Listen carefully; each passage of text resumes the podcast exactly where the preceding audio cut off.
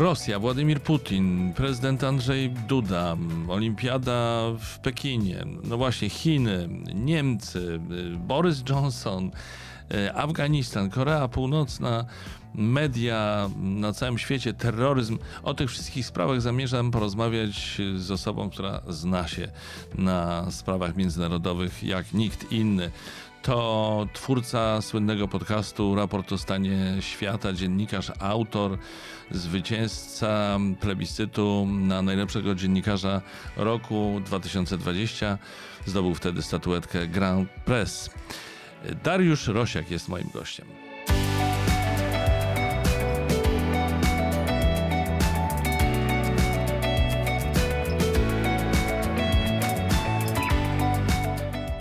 Dariuszy, jest taki dowcip o BBC, że rozpoczyna się serwis informacyjny telewizji BBC. Rozpoczyna się tak. Dobry wieczór Państwu. Dziś rozpoczęła się trzecia wojna światowa. A teraz krikiet. To pokazuje, że y, ludzi być może nie tylko w Polsce, nie tylko w Wielkiej Brytanii, ale w ogóle na świecie obchodzą przede wszystkim sprawy krajowe. To, co się dzieje najbliżej nich. A świat, zagranica to na ogół nie, bo to jest daleko od nas. Y, więc tym bardziej gratuluję Ci sukcesu Twojego podcastu Raport o stanie świata, bo okazuje się, że jednak są ludzie i jest ich bardzo dużo, którzy których interesuje zagranica, których interesuje świat. Ale czy kiedy zaczynałeś w ogóle e, swoją przygodę z dziennikarstwem, czy zdarzyłeś, zderzyłeś się kiedyś właśnie z takim podejściem do rzeczywistości, że może to jest sprawa niszowa, że większości ludzi zagranica nie interesuje? To znaczy, no jestem w, w miarę, mam takie wrażenie, y, przytomnie patrzącym na świat człowiekiem i, i wiem o tym, że y, rzeczy związane, nie wiem, z Afryką czy z Azją, na przykład Polaków interesują umiarkowanie. Mhm. Zresztą nie ma w tym nic złego. My czasami się lubimy tak samobiczować i, i mówić, że tam w normalnym kraju to wszyscy się orientują, e, co się dzieje gdzieś tam. No więc chciałem, e, jeżeli ktoś e, chce ode mnie informacje, to chciałem poinformować, że we Francji czy w Wielkiej Brytanii nikt nie wie, co się dzieje na Ukrainie. Mhm. Albo przeciętny człowiek nie budzi się i nie zastanawia się na, na ten temat, żeby zrozumieć, na czym, że na przykład Donbas jest podzielony, że część należy do Ukrainy, a część należy do separatystów wspieranych przez Rosję. To są zbyt skomplikowane sprawy, żeby, żeby interesowały przeciętnego człowieka, tak zwanego. I chyba też nie ma się co dziwić, to znaczy też nie ma się co samopiczować. Brytyjczycy czy Francuzi interesują się swoimi byłymi koloniami, jest oczywiste, że mają tam interesy, mają tam korzenie kulturalne, są jakoś cywilizacyjnie związani, więc jest oczywiste, że będą się tymi terenami y, y, interesowali. No my nie musimy się jakoś specjalnie bić z myślami, jeśli nie interesujemy się tym, co się dzieje w Mozambiku. No, nie interesujemy się, to, to, nie, to nie jest E, e, to nie jest taki chleb powszedni, powiedzmy. Mhm, no ale to też dlatego, że na przykład Ukraina nas bardziej interesuje niż Brytyjczyków czy Francuzów, no bo my się na niej znamy, tak? My się my na niej znamy i jest bliżej nas i mamy wspólną historię i tak dalej, więc y, to może jest jakieś uzasadnienie. Natomiast y, y, dlatego też przytoczyłem tę anegdotę o BBC, znaczy dowcip o BBC, no bo myślę, że to nie jest tylko polska specyfika, ale no tak jak zresztą sam, sam mówisz, że ci ludzie gdzieś tam w różnych miejscach na świecie nie budzą się z myślą o problemach e, świata, no chyba, że to ich bezpośrednio dotyka, tak jak u nas. Ukraina jest na tyle blisko, że ta perspektywa ewentualnej tfu, tfu, wojny rosyjsko-ukraińskiej jest tak no to blisko, dotyka że to dotyka nas tak, po prostu. Tak, oczywiście. Wydaje mi się również, że nie jest tak źle, jak się niektórym, jak niektórzy myślą. To znaczy, to nie jest też tak, że e, na przykład w Polsce ludzie kompletnie się nie interesują za granicą. Mało tego, doświadczenie raportu pokazuje, że ludzie się interesują właśnie tymi krajami z marginesu, tak zwanego. To znaczy, spora część, że tak powiem nieskromnie, marki raportu została zbudowana na tym, że my mówimy o rzeczach, które naprawdę z punktu widzenia takiej, nazwijmy to, mm, z, z perspektywy mhm troszeczkę bardziej ogólnej niż perspektywa Warszawy, są istotne. I jeżeli coś się dzieje, nie wiem, w Argentynie, w Ganie, y, w Portugalii albo w Australii, to to jest tak samo ważne dla, dla mnie jako redaktora. Staram się patrzeć na zjawiska czy na wydarzenia i oceniać ich wagę dla tego wszystkiego, co się dzieje na świecie. Czy to jest wydarzenie jednostkowe, czy to jest wydarzenie, które jest częścią jakiegoś zjawiska, prawda? Jeżeli mamy falę uchodźców i y, widzimy, co się dzieje, nie wiem, na przykład w Etiopii, prawda? Wiemy, że za chwilę y, może to być ogromny problem, bo jest y, klęska humanitarna w Tigraju. Ludzie będą stamtąd uciekać i już uciekają. Mamy dramatyczną sytuację w Afganistanie humanitarną również. Za chwilę będziemy mieli y, być może miliony ludzi, którzy będą uciekać. No gdzie będą uciekać? Nie będą uciekać do Chin ani do Rosji, tylko będą uciekać do Europy i do Stanów Zjednoczonych. Stany Zjednoczone się y, przed nimi ochronią, więc większość z nich pewnie trafi do granic Europy i będziemy mieli kolejne kryzysy humanitarne, prawda? To są wszystko rzeczy, które y, myślę też, y, że y, no coraz więcej ludzi rozumie, coraz więcej ludzi chce o czymś takim słyszeć, chce, nawet jeżeli oczywiście to nie są zasięgi porównywalne z, z nie wiem, z disco polo czy, czy, czy czymś takim. Mhm. I, I jest oczywiste, że że, że, że, że takich zasięgów nigdy nie będzie, ale, ale nie, nie muszą być. No, rozwój twojego podcastu i liczba patronów pokazują, że rzeczywiście ludzi to interesuje. Ja wiem, o czym mówisz, że to może nie jest y, skala no, wielka, że to nie jest jakaś masówka, tak? tak no to nie, jest, to nie jest milion osób, ale y, y, tego dużego raportu mhm. Co tydzień to są odsłony rzędu 120 tysięcy. No to bardzo ładnie, bardzo to, to dużo. Są, to są, jak na tego typu program, to jest bardzo dużo. Wiesz, y, w tym podcaście mnie bardzo podoba się i podejrzewam, że wielu słuchaczom y, również, to, że on jest taki pogłębiony, że tam nie jest powierzch, bo żyjemy w, szybkich czasach i media też są szybkie i jest to przelatywanie, przelatywanie często po powierzchni, a u ciebie jest dogłębne dotykanie, omawianie tematu i to może trwać i trwać i to jest, to jest super, bardzo, bardzo to cenię. Ty dopytujesz swoich ekspertów i dajesz im czas na to, żeby żeby powiedzieli się o różnych aspektach, różnych wątkach. To jest fantastyczne. To jest jakby to powiedzieć, pewien, e, e, pewien rodzaj podejścia, który na samym początku, myślę, budził wiele wątpliwości, bo ja miałem wielu doradców, którzy mi mówili, że to nie może tyle trwać, że to nie, nie możesz rozmawiać pół godziny na jakiś temat. Mhm. A ja byłem przekonany, że mogę. To znaczy, że, że jeżeli temat tego wymaga, to trzeba rozmawiać pół godziny i trzeba przede wszystkim dać człowiekowi się wypowiedzieć. To znaczy, jeżeli ja kogoś zapraszam, to ja nie jestem niczym ograniczony. Naprawdę. Ja nie mam żadnych reklam, nikt mi nie wchodzi na za 20 albo za 15 po. Y, nie muszę się tym przejmować. O tym, co jest w tej audycji, decyduję tylko ja i moje grono ludzi, z którymi pracuję, więc y, no, luksus. myślę, że, mm, myślę że, mhm. że z tego luksusu, z tego komfortu trzeba korzystać dla dobra słuchaczy. To znaczy dla dobra ludzi, którzy chcą się czegoś dowiedzieć. Tak. Nie należy a poza tym jest pewien rodzaj elegancji, który mi y, jest bliski. To znaczy, jak ktoś mówi, to nie należy mu przerywać w pół zdania i mówić, niestety musimy kończyć. Sam pracowałem w radiu, wiem, że to jest niestety niezbędne czasami, ale teraz mam taki luksus, żeby tego nie robić, więc tego nie robię. Bo wspomniałeś o tym, że niektórzy doradcy e, mówili, żeby to nie było za długie.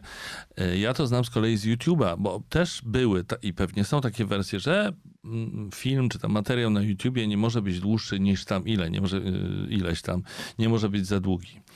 Ale okazuje się, że to wcale nie jest takie czarno-białe, zero-jedynkowe, bo mamy przykłady youtuberów, którzy mają bardzo duży sukces, mają bardzo duże zasięgi, a robią bardzo długie rozmowy, które zresztą później oczywiście lądują na podcastach. Takim przykładem jest Karol Paciorek i jego kanał Imponderabilia. On potrafi ro robić rozmowy dwugodzinne, czasem dwu i pół godzinne, nawet dłuższe, trzygodzinne, prawie pół miliona odsłon, wyświetleń na przykład, więc e, to jest e, trochę analogiczne. Nie ma takich twardych reguł. Jak jest dobra rozmowa, to ona, mimo że jest długa, to jest dobra, jej się świetnie słucha. Ale Dariusz, teraz nie musisz tego komentować, ja powiedziałem, bo ja zaprosiłem Ciebie na naszą rozmowę z takich trochę egoistycznych pobudek. Bo, jak już wspomniałem, mnie interesują sprawy, które się dzieją na świecie. Ty w, swoich, w swoim programie Raport o stanie świata zapraszasz ekspertów, ale na pewno wiesz, wiesz więcej, o, masz głębszą wiedzę i więcej opinii na temat tego, co się dzieje na świecie. Niż eksperci?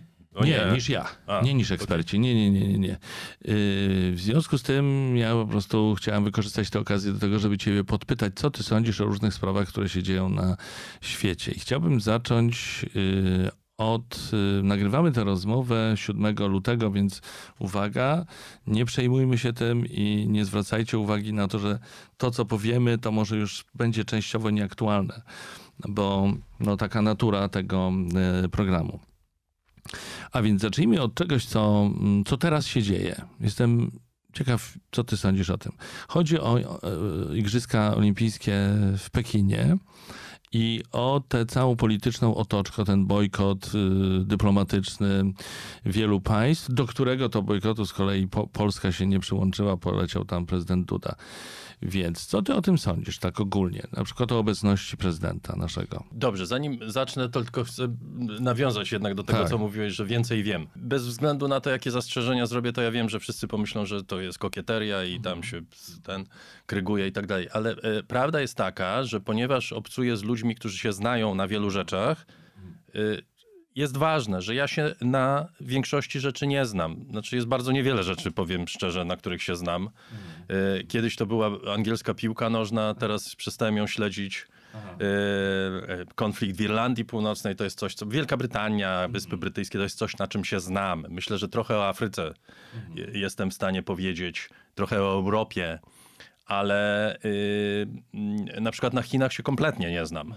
I, y, i chcę, żebyś i ty, i słuchacze, czy widzowie też, też to wiedzieli, że w dużym stopniu są to opinie albo zasłyszane, albo takie opinie, które sobie buduję na podstawie tego, czego się dowiem. No, staram się dowiedzieć, dowiadywać jak najwięcej, ale, ale myślę, że to zastrzeżenie jest ważne i, i, i y, między innymi y, no, na tym staram się tak. bazować. No rozumiem, no bo też jesteś dziennikarzem, zadajesz pytania ekspertom. Mam który... nadzieję, że znam się na zadawaniu pytań. To znaczy, to jest, ja się w ogóle generalnie tym zajmuję, żeby zadawać pytania ludziom, a potem pisać albo mówić na temat tego, co mi odpowiedzieli. No tak, ale z drugiej strony, no jednak już twój podcast ma swoją nie taką krótką historię. Spot Oczywiście. Spotkań z ekspertami to... masz za sobą dużo, słuchasz tych Oczywiście. właśnie eksperckich wypowiedzi, więc y, dlatego powiedziałem, że twoja wiedza jest na pewno wyższa od, nie wiem, średniej krajowej. Dobrze, więc jeśli mnie pytasz o obecność prezydenta, tak. ja, ja nie mam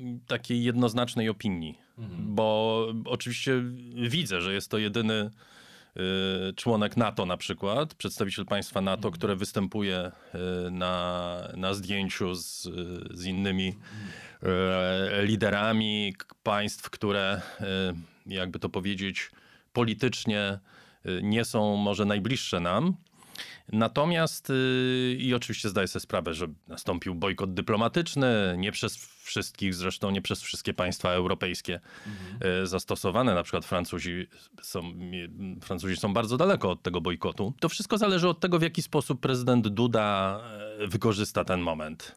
Rozmowa z prezydentem Chin jest yy, ważna. To znaczy ważne jest, że, że, że się tego typu, że, że tego typu wydarzenie, wydarzenie ma miejsce, prawda? Zależnie od tego, co, co, jakie będą owoce tego, zobaczymy.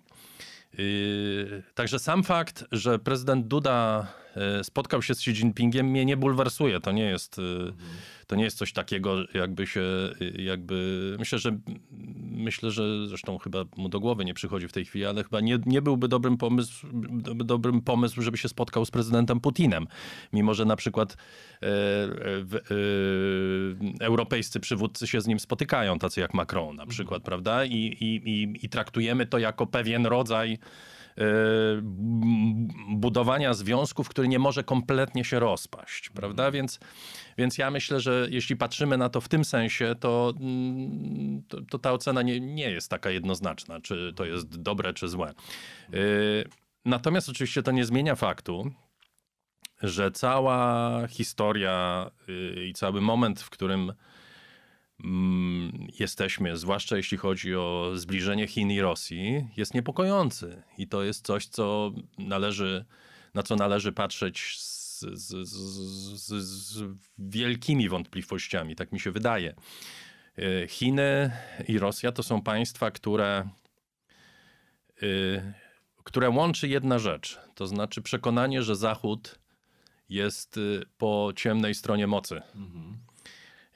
I że ten porządek, który w tej chwili funkcjonuje, i to jest porządek, który na przykład Polsce przyniósł 30 lat Mhm. prawdopodobnie największego rozwoju w historii Polski, tak mi się wydaje. Może się mylę, może to są, może, może za słabo znam historię Polski, ale z pewnością y, w tej współczesnej historii sięgającej, nie wiem, 300 lat, to nie było takiego momentu, żeby Polska się tak rozwijała jak ostatni, przez ostatnie 30 y,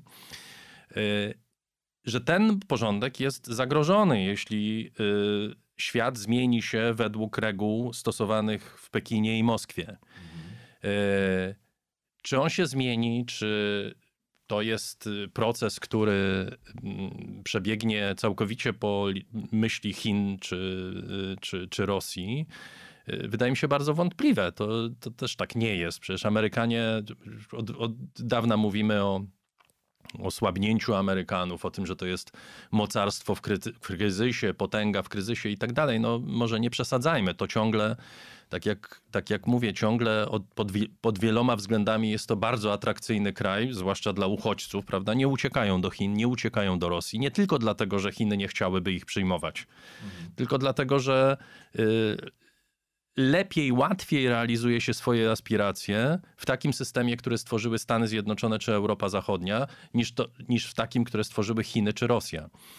Y, więc to ciągle jest kraj silny, Stany Zjednoczone, to ciągle jest potęga, to ciągle jest y, mm, najważniejsze państwo na świecie, więc, y, więc patrząc z niepokojem na to, co się dzieje, jeśli chodzi o zbliżenie Chin i Rosji, trzeba pamiętać, że Zachód nie jest bezbronny i Zachód nie jest mm, kompletnie pozbawiony jakby mocy sprawczych. A czy ty myślisz, że te, te, te spotkania podczas igrzysk, te rozmowy wszelkie, czy one nas oddalają od wojny, przybliżają do wojny, czy w ogóle mają jakiekolwiek znaczenie, bo Putin i tak zrobi swoje? Jak ty myślisz? Myślę, że Putin i tak zrobi swoje, ale nie jestem pewny, czy on wie, co chce zrobić już teraz. Mhm. Ja bardzo y, się boję takiego psychologizowania e, w polityce. Nie podobało mi się za czasów, to za czasów Donalda Trumpa, którego wszyscy uważali za szaleńca. Mi się wydaje, że on nie był szaleńcem, tylko był politykiem, który miał bardzo ekstrawaganckie e, pomysły, zachowania i tak dalej, i takie, które niekoniecznie mieszczą się w, w tym emploi prezydenta Stanów Zjednoczonych, czy mieściły do niedawna ale y, to był polityk i tak samo Putin jest politykiem. Putin jest politykiem, który realizuje interes Rosji tak, jak on go rozumie. I to nie jest tak, że to jest jakiś opętany jakąś wizją człowiek. Przynajmniej mam taką nadzieję. Zakładam, że nie robi rzeczy, które są kontrproduktywne. Dlatego wydaje mi się, że inwazja na Ukrainę jest mało prawdopodobna. Mhm. Co nie znaczy, że do niej nie może dojść. No, jeżeli coś jest mało prawdopodobne, to tylko znaczy, że jest mało prawdopodobne, ale ja nie wiem, jaki on ma cel.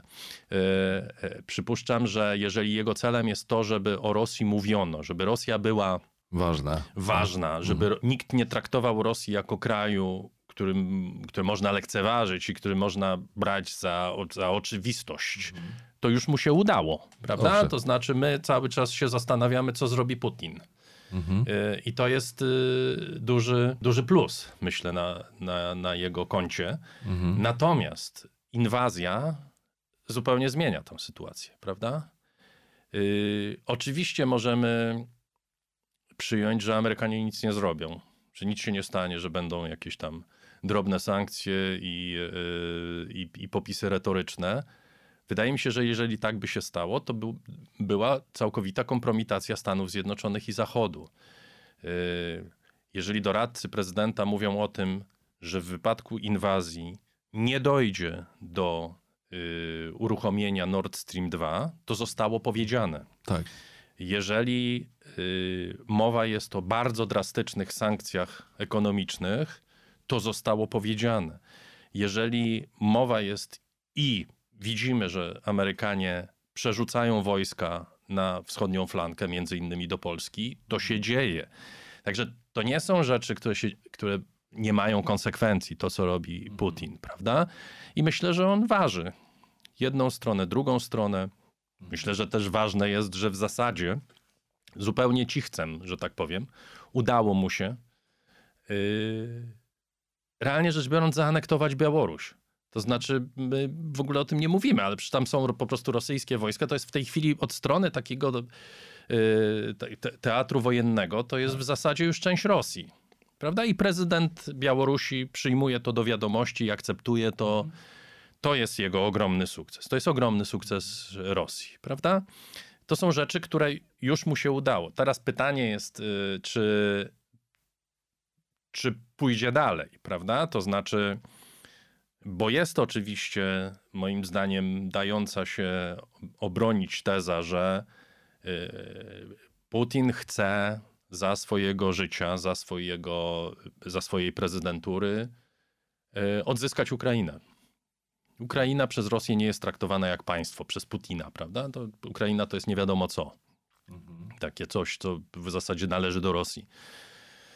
Yy, I, I być może on się na taki krok zdecyduje, ale to jest krok, który pociągnie za sobą bardzo poważne konsekwencje, więc wydaje mi się, że jeżeli nawet się zdecyduje, to będzie czekał na moment, który, mm, który będzie mm, no, dawał mu przynajmniej pewne, pewne szanse, że to będzie mniej kosztowało niż teraz.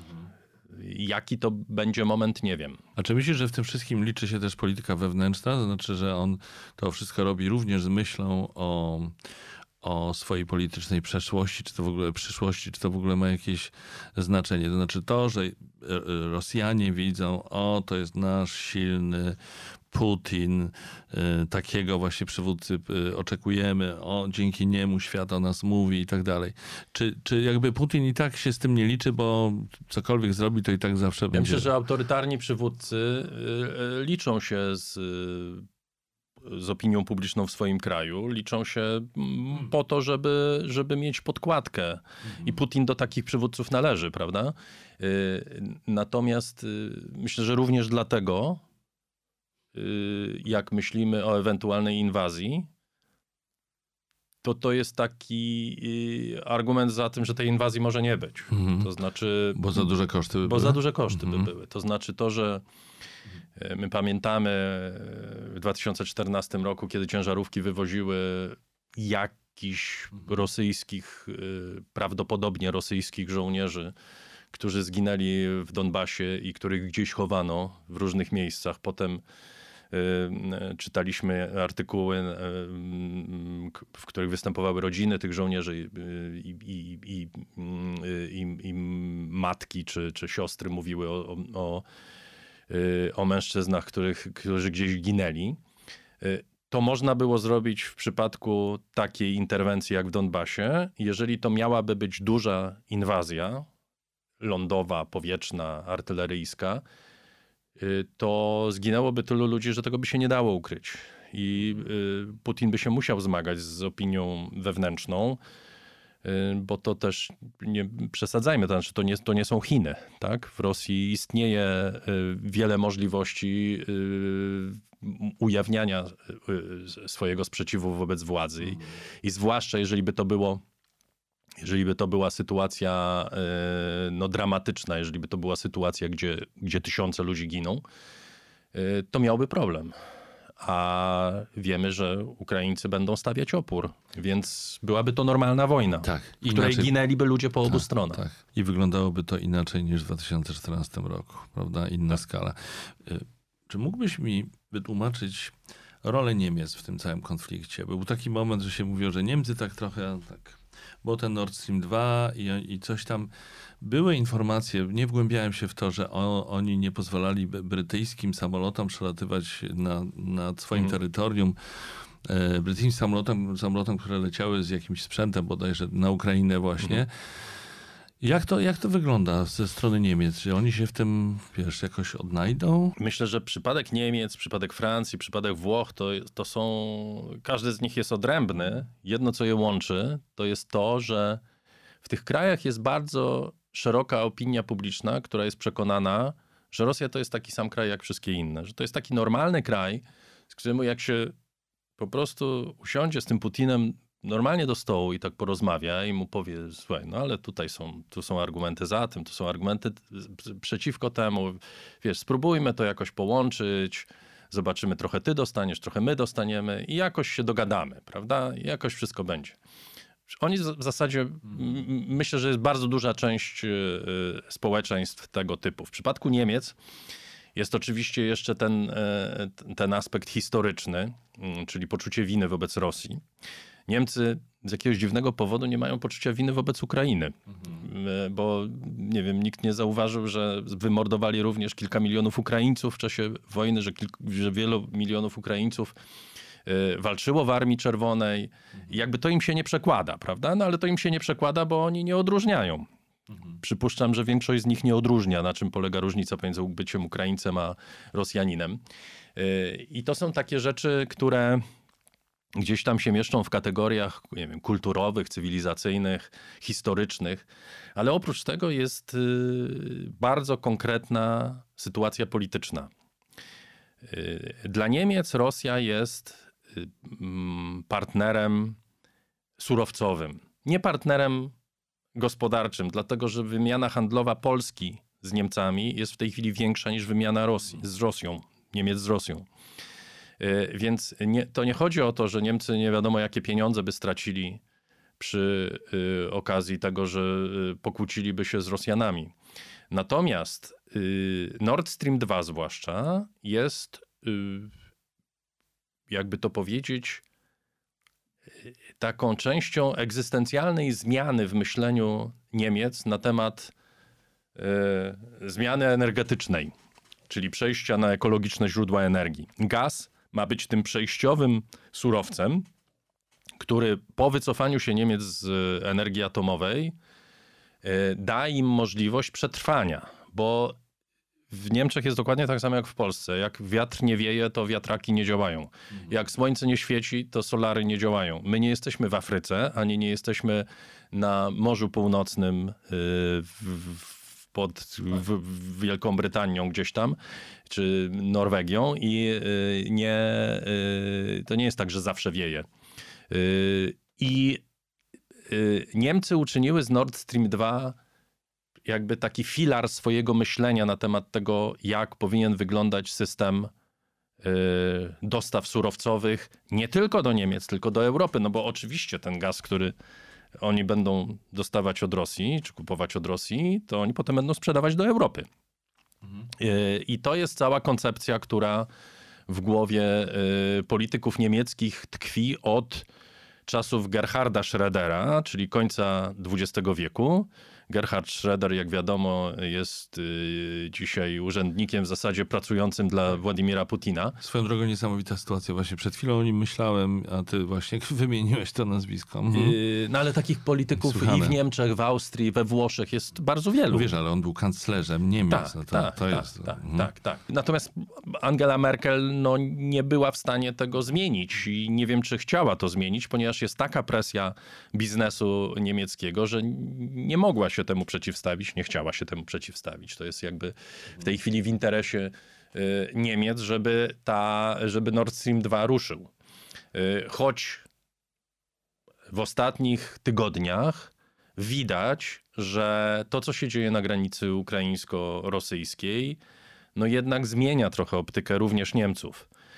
Oni mają nowy rząd. To nie jest łatwa sytuacja dla nich, to w ogóle nie jest łatwa dla nich sytuacja, bo to wymaga takiego fundamentalnego zmian fundamentalnej zmiany myślenia yy, na temat własnych stosunków z Rosją.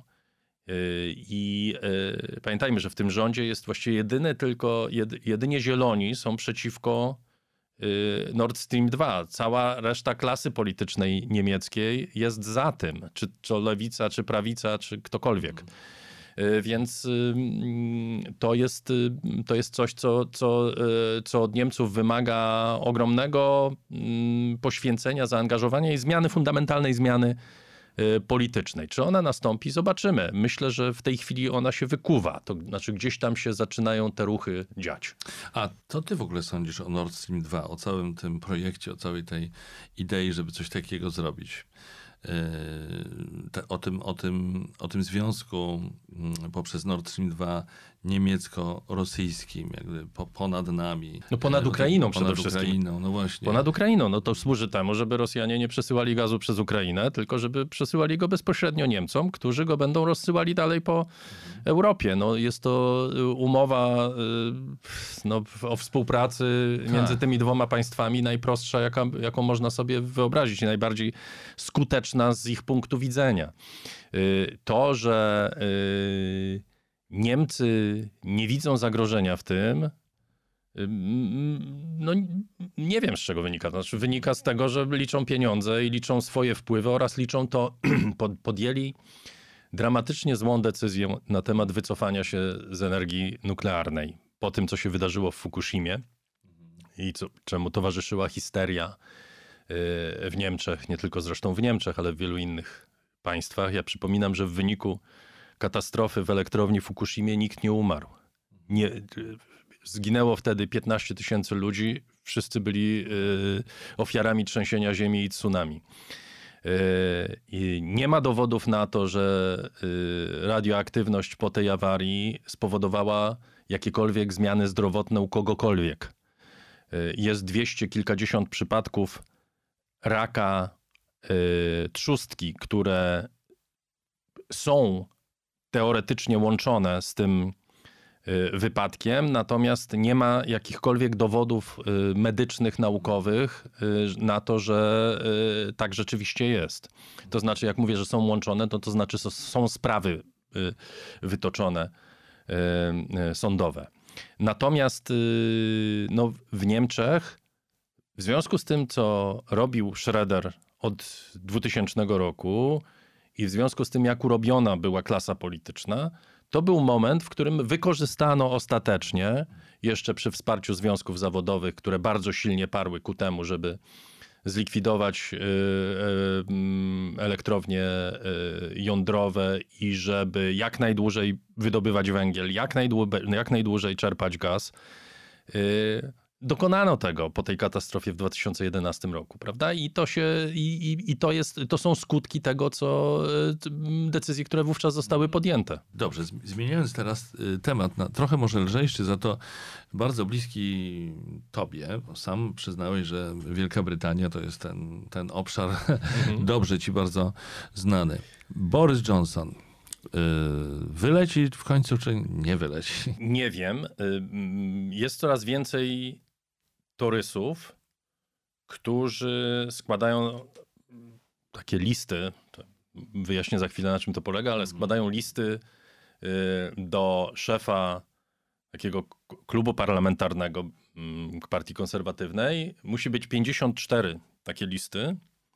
Muszą być 54 listy e, z wotum nieufności od posłów, którzy nie zasiadają w administracji państwowej, e, czyli tak zwanych backbenchers, e, po to, żeby ruszył proces usunięcia e, Borysa Johnsona. Proces usunięcia, czyli wybory. Mhm.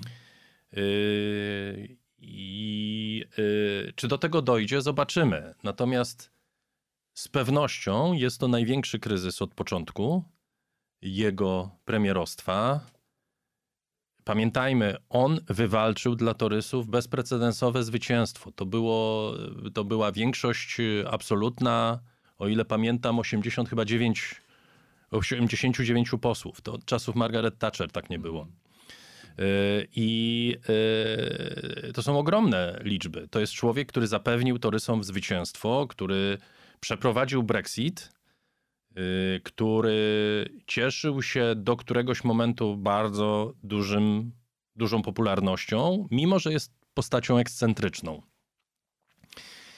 Natomiast y, czym innym jest bycie postacią ekscentryczną, a czym innym jest nieprzestrzeganie reguł, które się samemu ustanawia.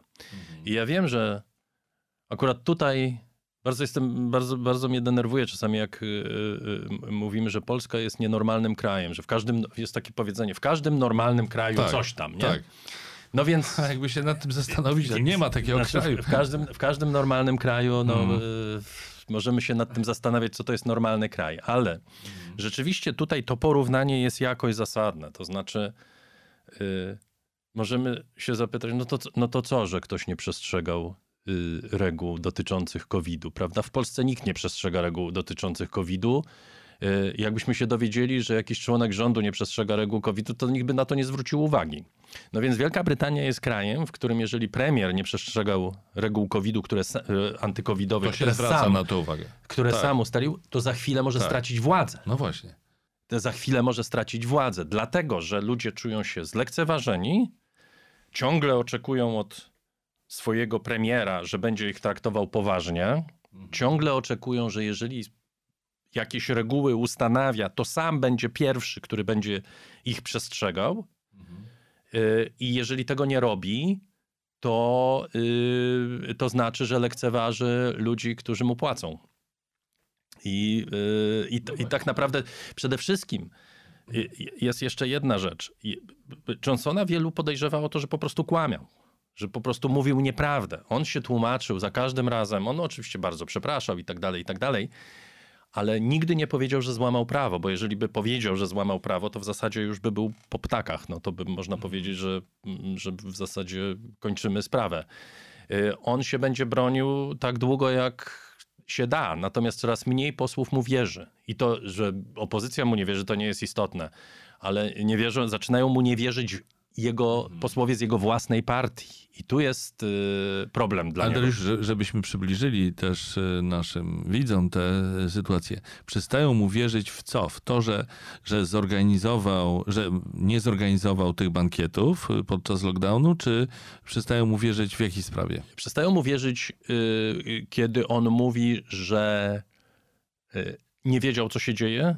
Aha. Potem najpierw mówi, że nie wiedział, co się dzieje. Potem mówi, że nawet jak wiedział, to nie zostało złamane prawo. Y, I, i y, to są rzeczy, w co przestają mu- wierzyć. To są rzeczy, w które przestają mu wierzyć. To są rzeczy, które wydają się y, albo kłamstwem, albo rozminięciem z prawdą. To znaczy, kłamstwo to, jak wiadomo, jest intencjonalne mówienie, nie, mówienie nieprawdy i tego jeszcze mu nikt nie udowodnił. Natomiast to, że to, że kluczy, to, że mąci, to, że nie, nie, nie, nie potrafi odpowiedzieć prostym tekstem na pytania, które mu się zadaje, to jest fakt po prostu. I co gorsze, dzieje się to czasem w Izbie Gmin. Kłamanie w Izbie Gmin to już jest gruba sprawa. I żeby było jasne, nikt mu tego nie udowodnił. Nie ma takiej. Jeżeli był poseł, lider szkockiej partii narodowej, który powiedział, że premier kłamał w Izbie Gmin i e, przewodniczący parlamentu, speaker, wyrzucił go z obrad, ponieważ nie wolno mówić w ten sposób o kimś, jeżeli nie mamy na to dowodów, a nie ma takich dowodów na to, że mm, Johnson kłamał. No dobrze, patrząc na to z zewnątrz, wydawałoby się, że tak, w każdym normalnym kraju, tak jak mówiłeś, a już na pewno w Wielkiej Brytanii, po takiej aferze, już nieważne jakie tam są niuanse, czy ktoś kłamał, czy nie, na, na ile kłamał, na ile się mijał z prawdą, no to premier powinien się podać do dymisji, powinien zrezygnować. A tak się nie dzieje. Czy myślisz, że, y, że to jest właśnie jakiś taki schemat myślowy, który, który jest uproszczeniem, czy, czy rzeczywiście tam się dzieje coś No dziwnego? nie, no, Dobra. e, wiesz, no nie, T- Tony Blair też się nie podał do dymisji, jak się okazało, że nie było broni chemicznej w, W Iraku, w Iraku tak. prawda? To znaczy to, to że y, politycy mówią nieprawdę, to w zasadzie nie jest nic, niczym nowym, prawda? To, jest, to, się, to się dzieje, oni się z tego próbują wykaraskać i to w tej chwili ma miejsce w przypadku Johnsona. Y, I to tak naprawdę nie jest y, chyba najbardziej istotne. Najbardziej istotne to jest to, jak długo będą mu wierzyć jego posłowie, jego koledzy z partii. jak długo ci ludzie, którzy gdzieś tam reprezentują partię konserwatywną na prowincji e, i wracają do siebie do domu i spotykają się z ludźmi e, do, dookoła siebie, którzy, którzy im mówią, no zaraz, ale jak to jest? No, my nie, my nie, nie wybieraliśmy nikogo takiego. Nie chcemy, żebyś go wspierał, prawda? Jeżeli ta presja będzie tak silna, że coraz więcej e, posłów będzie e, czuło, że dobrym rozwiązaniem jest odsunięcie e, Johnsona, to to, to zrobią. Pamiętajmy też o tym, że jak się kogoś odsuwa, zwłaszcza jak się ma władzę, to dobrze mieć jakiś plan, tak, żeby tej władzy natychmiast nie stracić. Nie ma tak wyrazistej postaci poza Johnsonem w partii e, konserwatywnej. Oczywiście jego poprzedniczka, pani Theresa May, można powiedzieć, też nie była specjalnie e, wyrazistą no e, osobą, a była premierem. Mhm.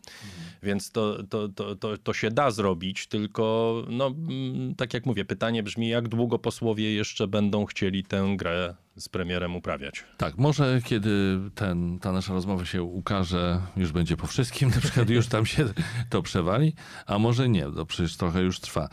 Y, przeskoczmy teraz na inny kontynent, ale z powrotem do Azji, bo, y, bo takie mam wrażenie, że trochę zapomnieliśmy o Afganistanie, bo przecież był taki moment, że ten Afganistan i to, co się tam wydarzyło, było na pierwszych stronach gazet, y, media mówiły o tym bardzo intensywnie, no i trudno się dziwić, no bo tam talibowie w błyskawicznym tempie przejęli władzę i było szybkie wycofywanie się z, z Afganistanu. No a jaka tam jest teraz sytuacja, bo no słyszy się o tym, że talibowie się domagają pieniędzy, żeby tam odmrozić ich pieniądze ale, no, ale jednocześnie nic nie robią, żeby przekonać świat, że oni tam nie będą źle traktować, nie wiem, kobiet na przykład, prawda? Więc co, do czego to zmierza twoim zdaniem? A jeszcze się mówi o tym, że talibowie to nie jest żaden taki spójny... Oczywiście. Spójna organizacja, tylko są podzieleni, etc. No tak jak wszyscy w Afganistanie są podzieleni y, pod względem etnicznym, pod względem politycznym, y, klanowym i tak dalej y, to, co się dzieje, to jest chaos, który zmierza w kierunku tragedii, mhm. katastrofy. Sankcje z politycznego punktu widzenia mają sens, bo Amerykanie uznają, że nie, nie, nie można dać pieniędzy talibom, którzy, mhm. którzy są traktowani jako organizacja terrorystyczna, prawda? Pytanie oczywiście, jak, jakie są skutki tego? No, skutkiem tego, że te pieniądze są nieodmrażane, a większość pieniędzy y, afgańskich Y, należących do Afganistanu jest y, w tej chwili w Stanach Zjednoczonych w, w rezerwie federalnej. Tam zostały zdeponowane. I no to powoduje, to nie uderza w talibów, tylko to uderza w, y, w ten naród, który w tej chwili mniej więcej około połowa z, z ludzi mieszkających w Afganistanie cierpi głód i za chwilę to, to będzie klęską, już jest klęską humanitarną, a za chwilę będzie jeszcze większą klęską humanitarną. Ci ludzie zaczną wyjeżdżać, e, ci ludzie y, prawdopodobnie będą wykorzystywani przez kogoś takiego jak Łukaszenka. Mhm. Prawda? Doskonale sobie no tak. jestem w stanie to wyobrazić. W Mazar el-Sharif zostało zbudowane niedawno nowe lotnisko na północy. Doskonale jestem w stanie sobie wyobrazić no, tysiące Afgańczyków, którzy będą lądować w Mińsku. Mhm i, i będą przerzucani na granicę polską. I będziemy mieli dokładnie to samo, co poprzednio parę miesięcy temu. I jak tylko mhm. śniegi stopnieją, prawda?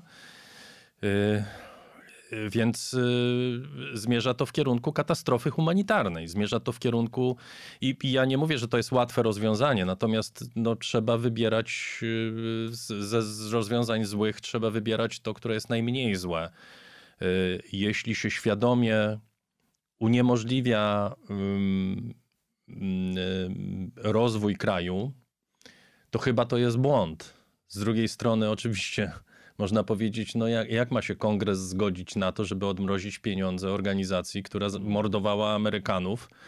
I na przykład, y, nie wiem, w Stanach Zjednoczonych w tej chwili jest grupa ludzi, która, która grupa ofiar 11 y, września, rodzin ofiar 11 września, która mówi, yy, która wytoczyła proces Osamie Bin Ladenowi, i wielu innym terrorystom afgańskim o odszkodowanie za, za śmierć swoich bliskich. Te pieniądze są w tej chwili dostępne. Mhm. Oni mogą te pieniądze dostać, te pieniądze zostały im zasądzone. Oni mogą te pieniądze dostać, bo Amerykanie mają te pieniądze, prawda? Tylko no, zastanówmy się, czy oni powinni je dostać, czy raczej Amerykanie powinni je prze przekazać Afgańczykom. Jakie mają przekazać? To jest bardzo trudne pytanie. Nie bardzo jestem w stanie sobie wyobrazić, żeby kongres się zgodził na to, że po prostu przekazać mają rządowi talibskiemu, a nie ma innego rządu. Są, jest tylko rząd złożony z talibów, nie będzie innego. No to... Więc to jest no, bardzo trudna sytuacja. Tam się mówi o tym, że właśnie a propos tej klęski humanitarnej, że tam głód panuje, bo ciężka zima, takie doniesienia są Oczywiście, też. tak, tak. No to widzimy obrazki. Z jednej strony to jest też pamiętajmy o tym, że y, to, o czym wcześniej wspomniałeś, że to jest, y, to są bardzo podzielone, mm, to jest bardzo podzielone środowisko, talibowie. I y, to nie musi być tak, że rządzący tym krajem przykręcają śrubę w jednoznaczny sposób i podejmują decyzje, mm, które są nieodwołalne.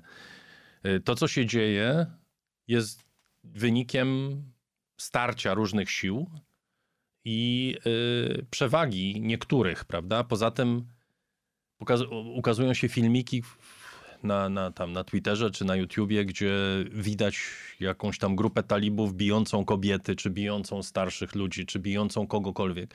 I oczywiście, że to jest straszne, natomiast no, nie, wiemy, kim są ci talibowie, nie wiemy, kim oni są, nie wiemy, czy oni należą do rządu, czy oni nie należą, czy może to są przeciwnicy rządu. Yy, więc to też trzeba brać pod uwagę. I, yy, i, i zastanawiać się, jak, yy, jak pomóc tym ludziom, którzy są na miejscu.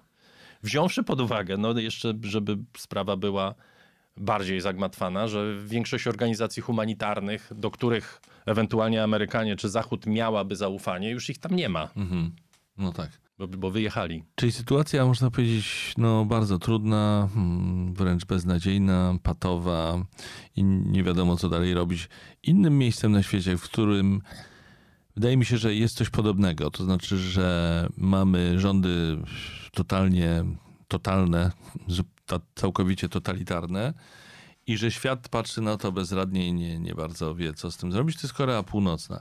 Tak myślę czasami o tej Korei. Nie wiem, czy ty to zauważyłeś, że bywa i tak, że kiedy mówimy o, mówimy o tym Kim Jong-unie i co on tam wyprawia, to się pojawia taki uśmieszek u niektórych osób, że tak, no, Korea Północna, wiadomo, no dyktator totalny, Orwell do kwadratu i, i, tak dalej. Tymczasem dla mnie to w ogóle nie jest śmieszne, to jest przerażające. To prawdopodobnie jeden z największych zbrodniarzy w historii ludzkości. On, jego ojciec, jego dziadek, a świat nic nie jest w stanie z tym zrobić albo nic nie chce, no bo dopóki on nie zagraża światu, to niech nic nie zrobi. Ja myślę, że też warto jedną, że na jedną rzecz zwrócić uwagę. Są takie rzeczy, są takie problemy, których nie jesteśmy w stanie rozwiązać trzeba to przyjąć do wiadomości. To znaczy, no nie, nie, nie, nie bardzo widzę, w jaki sposób możemy, mhm. co mamy zrobić. Znaczy, Amerykanie mają najechać na Koreę Północną? No nie, no to jest absurdalna propozycja. Nie może tak być. Mhm.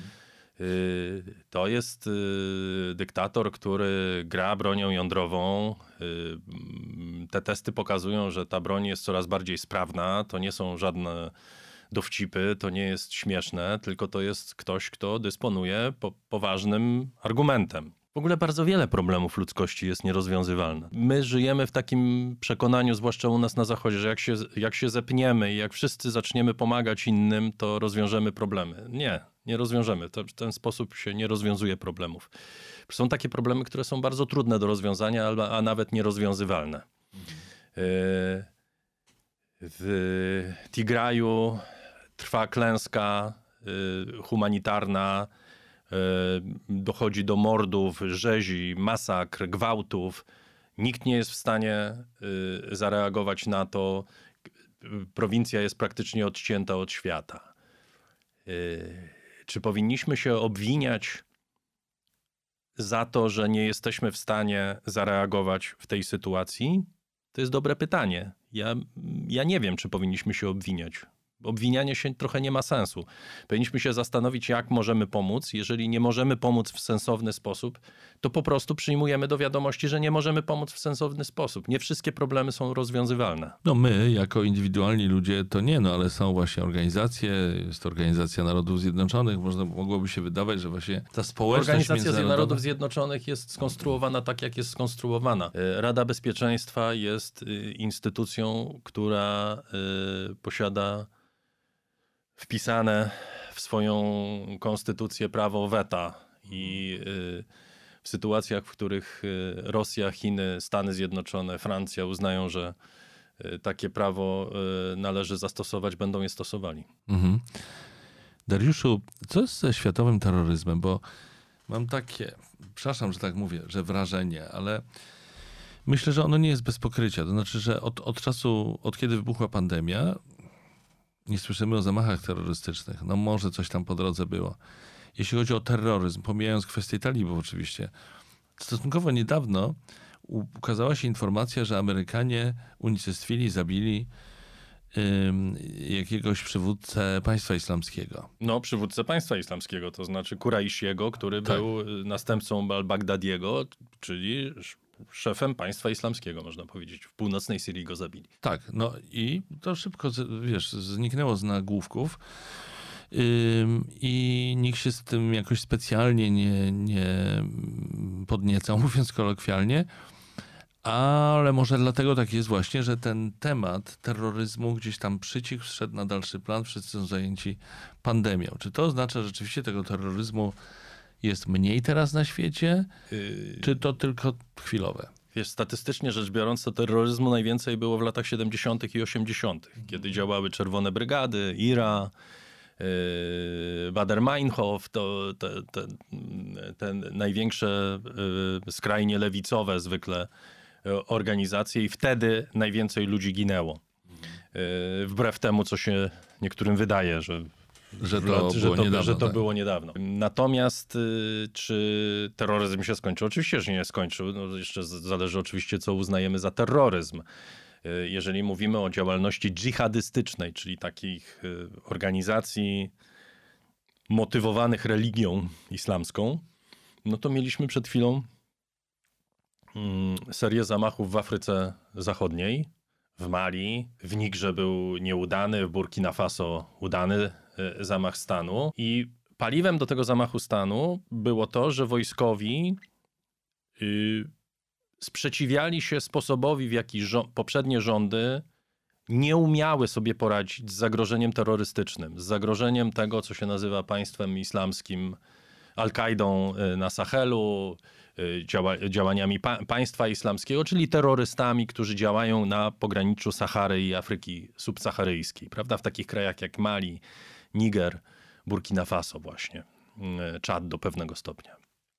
Yy, Kamerun też jest, yy, tylko tam jest troszeczkę innego rodzaju konflikt, ale, ale te poprzednie kraje, które wymieniłem, na pewno są ogarnięte tego typu organizacjami. To samo mamy miejsce w Nigerii, prawda, gdzie działa Boko Haram, tego typu Y, organizacja. I y, te walki, te y, tragedie, one cały czas mają miejsce. Mniej się o tym mówi, ponieważ nie ma zamachów w Europie, prawda? My o tym mniej słyszymy, ponieważ udało się Y, uszczelnić te, te, te, te, te luźne sfery bezpieczeństwa, które powodowały, że dochodziło do zamachów w Niemczech, w Belgii, Francji czy gdzie indziej. Natomiast, natomiast no, to nie jest problem, który odszedł. On gdzieś tam cały czas funkcjonuje i cały czas obejmuje miliony ludzi, tylko nie nas, tylko innych ludzi dlatego, na południu. I dlatego mnie o tym mówimy. A to zamordowanie, unicestwienie szefa państwa islamskiego, jakie ma znaczenie w, w kontekście bezpieczeństwa na świecie? Czy państwo islamskie jeszcze ma to znaczenie, które miało kilka lat Państwo islamskie jest ciągle y, organizacją, która e, sprawia kłopot i może się odbudować. Natomiast to nie jest ta siła, która była w 2014 czy 2015 roku. Państwo islamskie, czy ci terroryści, którzy wówczas działali, oni się przenieśli w różne inne rejony świata, prawda? Czy to Libia, mhm. czy, mm, czy Afganistan, czy Kaukaz. To są, to są miejsca, w których oni e, funkcjonują i mm, natomiast oni, oni nie znikną.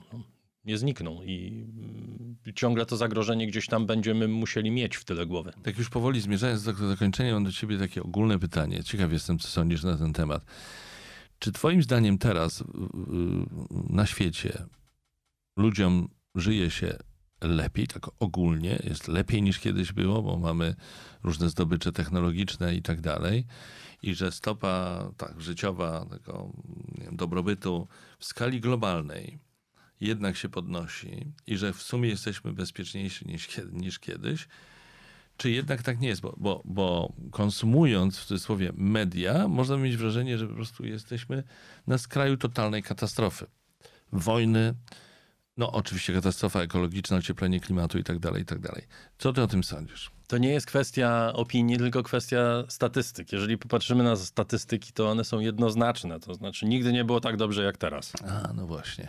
Nigdy nie żyliśmy tak długo, mhm. nigdy nie, y, ludzie nie byli tak wyedukowani, nigdy nie było tak mało chorób, nie, nigdy tak dobrze nie potrafiliśmy sobie radzić z chorobami, prawda? COVID jest najlepszym tego przykładem. Mhm.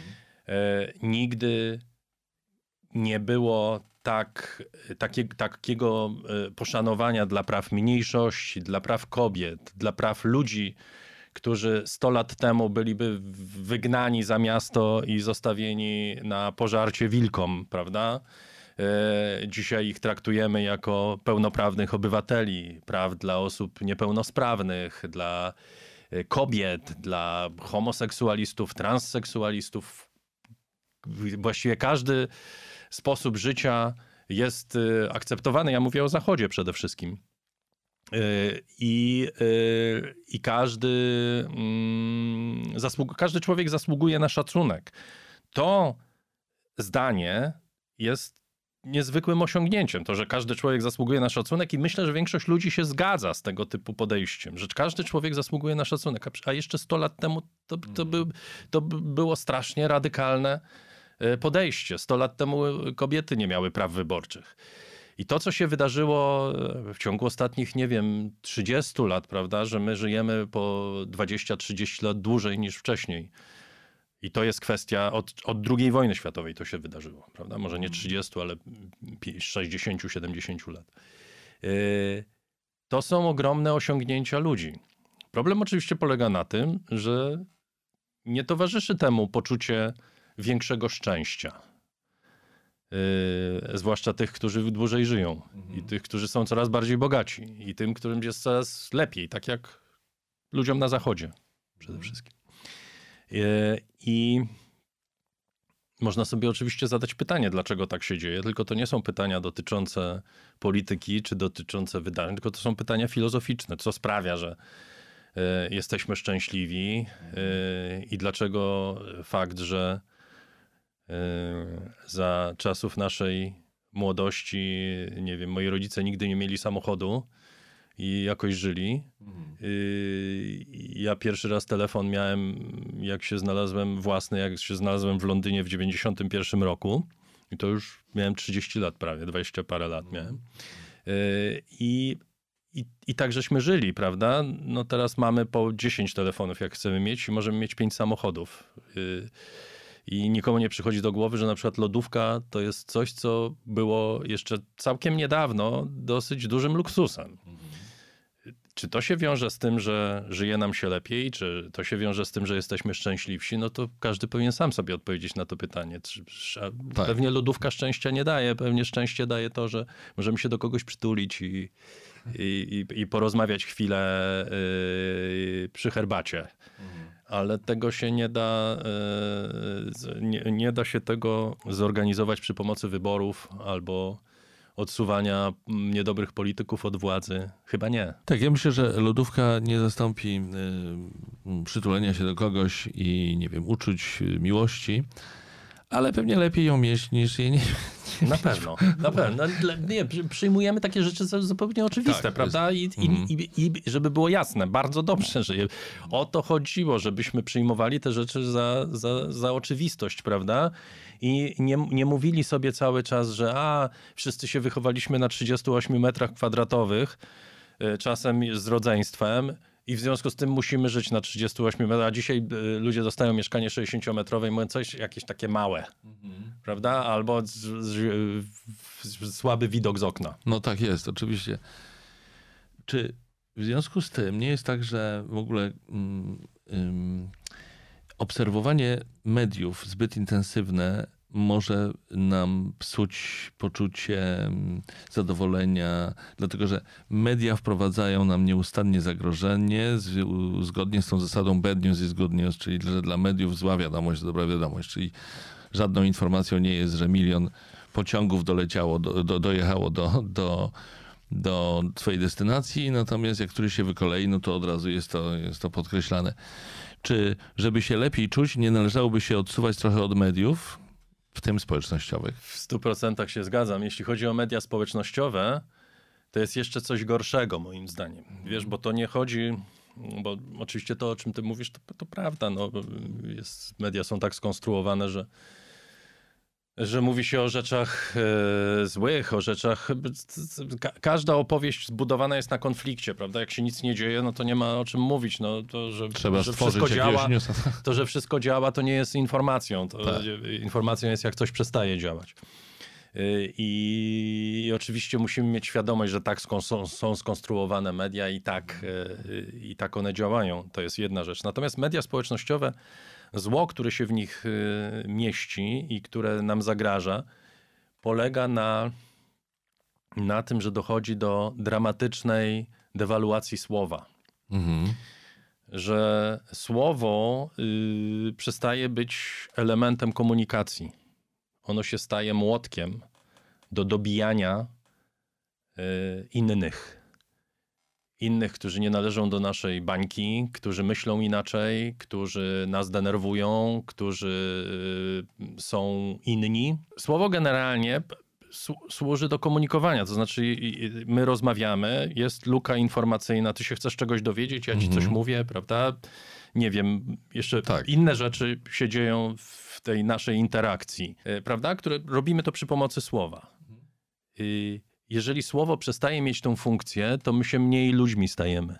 Jeżeli słowo służy do tego tylko i wyłącznie, żeby siać propagandę, albo siać nienawiść, siać wrogość do drugiego człowieka, wzbudzać w nim najgorsze uczucia, a to się wszystko dzieje na mediach społecznościowych. To jest jakby chlebem powszednim mediów społecznościowych.